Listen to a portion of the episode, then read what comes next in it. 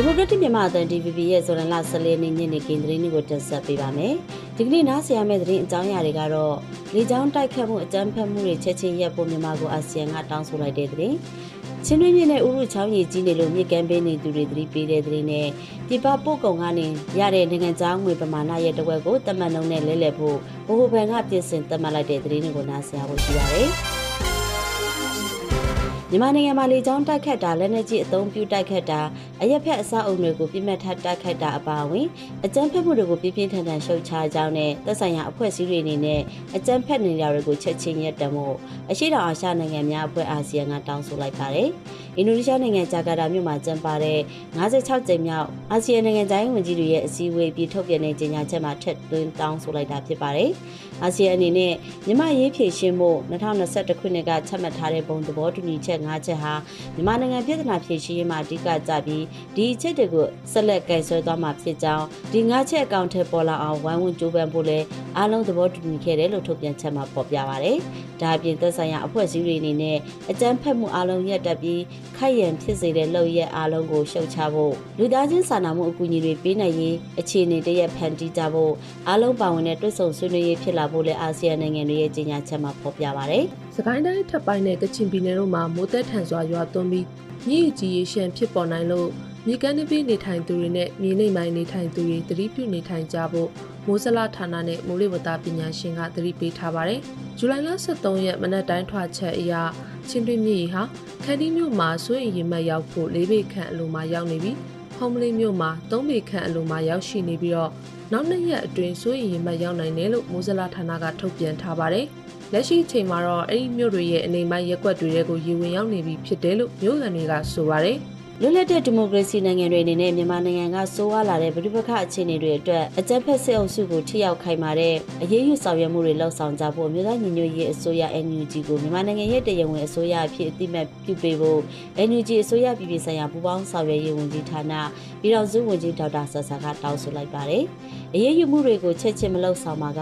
မြန်မာနိုင်ငံကကလေးငယ်တွေရဲ့အနာဂတ်ပြတ်သုံးမှာဖြစ်ပြီးတော့ အကြမ်းဖက်စစ်အုပ်စုဟာအာဏာသိမ်းပြီးအချိန်ကလေးကအပြစ်မဲ့ကလေးသူငယ်800ကျော်ကိုတပ်ဖြတ်ခဲ့တာကလေးပေါင်း380ကျော်ကိုအနိုင်ငံရေးအကျဉ်းသားတွေဖမ်းဆီးချုပ်နှောက်တာ မိဘတွေကိုဖိအားပေးဖို့အတွက်ကလေး90တယောက်ကိုတစက်ခန့်တွေအဖြစ်ဖမ်းဆီးတာကလေးပေါင်း6သိန်း6000ကျော်အိုးမဲအိမ်မဲဖြစ်သွားတာကလေးတန်းပေါင်းများစွာပညာသင်ယူဖို့အခွင့်အရေးဆုံးရှုံးခဲ့တယ်လို့လည်းထုတ်ပြန်ချက်မှာဖော်ပြပါဗျ။စစ်အုပ်စုပေါ်မှာပြင်းထန်တဲ့ပြစ်မှတ်ထားအရေးယူတန်ခတ်ပိတ်ဆို့မှုတွေကိုနိုင်ငံတကာကညှိနှိုင်းပြုလုပ်ပေးဖို့နဲ့အပြည်ပြည်ဆိုင်ရာဗန်နာငွေစီစဉ်မှုတွေကိုဖျက်တောက်ပေးဖို့လက်နက်စီစဉ်မှုကိုဖျက်တောက်ပေးဖို့လူမျိုးတုံးတပ်ဖြတ်နေတဲ့ဆရာနာရှင်စနစ်ကို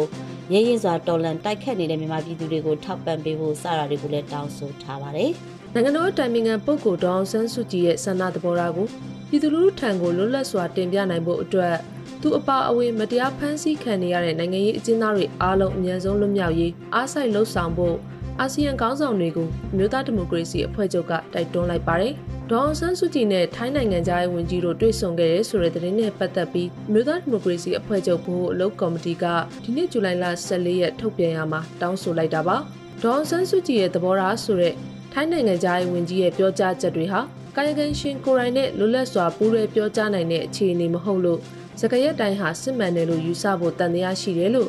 NLD ရဲ့ကြေညာချက်မှာဖော်ပြပါဗျ။ဗဟိုအလုံးမှုဆောင်အဖွဲ့တွေလွတ်လပ်စွာစုံညီအစည်းအဝေးမကျင်းပနိုင်ပဲ ဒေါအောင်ဆန်းစုကြည်အနေနဲ့ဘယ်သဘောထားတွေဆုံးဖြတ်ချက်တွေမှချမှတ်နိုင်မှာမဟုတ်ကြောင်းနဲ့ပြည်သူလူထုကိုသာအခြေခံပြီးပြည်သူလူထုရဲ့ဆန္ဒသဘောထားကိုဘယ်တော့အခါမှစန့်ကျင်မှာမဟုတ်ပါဆိုတဲ့အချက်တွေနဲ့လည်းကွဲလွဲနေတယ်လို့ဆိုပါတယ်။ဒါကြောင့်မြန်မာနိုင်ငံရေးပြဿနာတွေပြည်လဲရေးလမ်းစာအဖြစ်အရေးပါလာတဲ့ဒေါအောင်ဆန်းစုကြည်ရဲ့ဆန္ဒသဘောထားကိုပြည်သူလူထုထံကိုလွတ်လပ်စွာတင်ပြနိုင်ဖို့အာဆီယံခေါင်းဆောင်တွေအနေနဲ့ အာဆီယံဘုံသဘောတူညီချက်9ရက်နဲ့အညီမတရားဖမ်းဆီးခံထားရတဲ့နိုင်ငံရေးအကျဉ်းသားတွေအားလုံးအများဆုံးလွတ်မြောက်ရေးအားစိုက်လှုပ်ဆောင်ဖို့ NLD ကတိုက်တွန်းထားပါတယ်။ ဘိုးဘန်တရားဝင်ငွေလဲနှုန်းနဲ့မဖြစ်မနေလဲလှယ်ရမယ်ပြပပို့ကုန်ရဝင်ပမာဏကို65ရာခိုင်နှုန်းကနေ90ရာခိုင်နှုန်းအဖြစ်လျှော့ချသတ်မှတ်ပေးကြောင်းစစ်ကောင်စီဖို့ဘန်ကဇူလိုင်လ23ရက်နေ့ရက်စွဲနဲ့ထုတ်ပြန်ပါတယ်။ပို့ကုန်တင်ပို့မှုကရရှိလာတဲ့နိုင်ငံသားငွေပမာဏရဲ့65ရာခိုင်နှုန်းကိုမြန်မာငွေ2100ကျပ်နှုန်းနဲ့လဲလှယ်ရမယ်လို့ဘိုးဘန်ကသတ်မှတ်ထားပြီး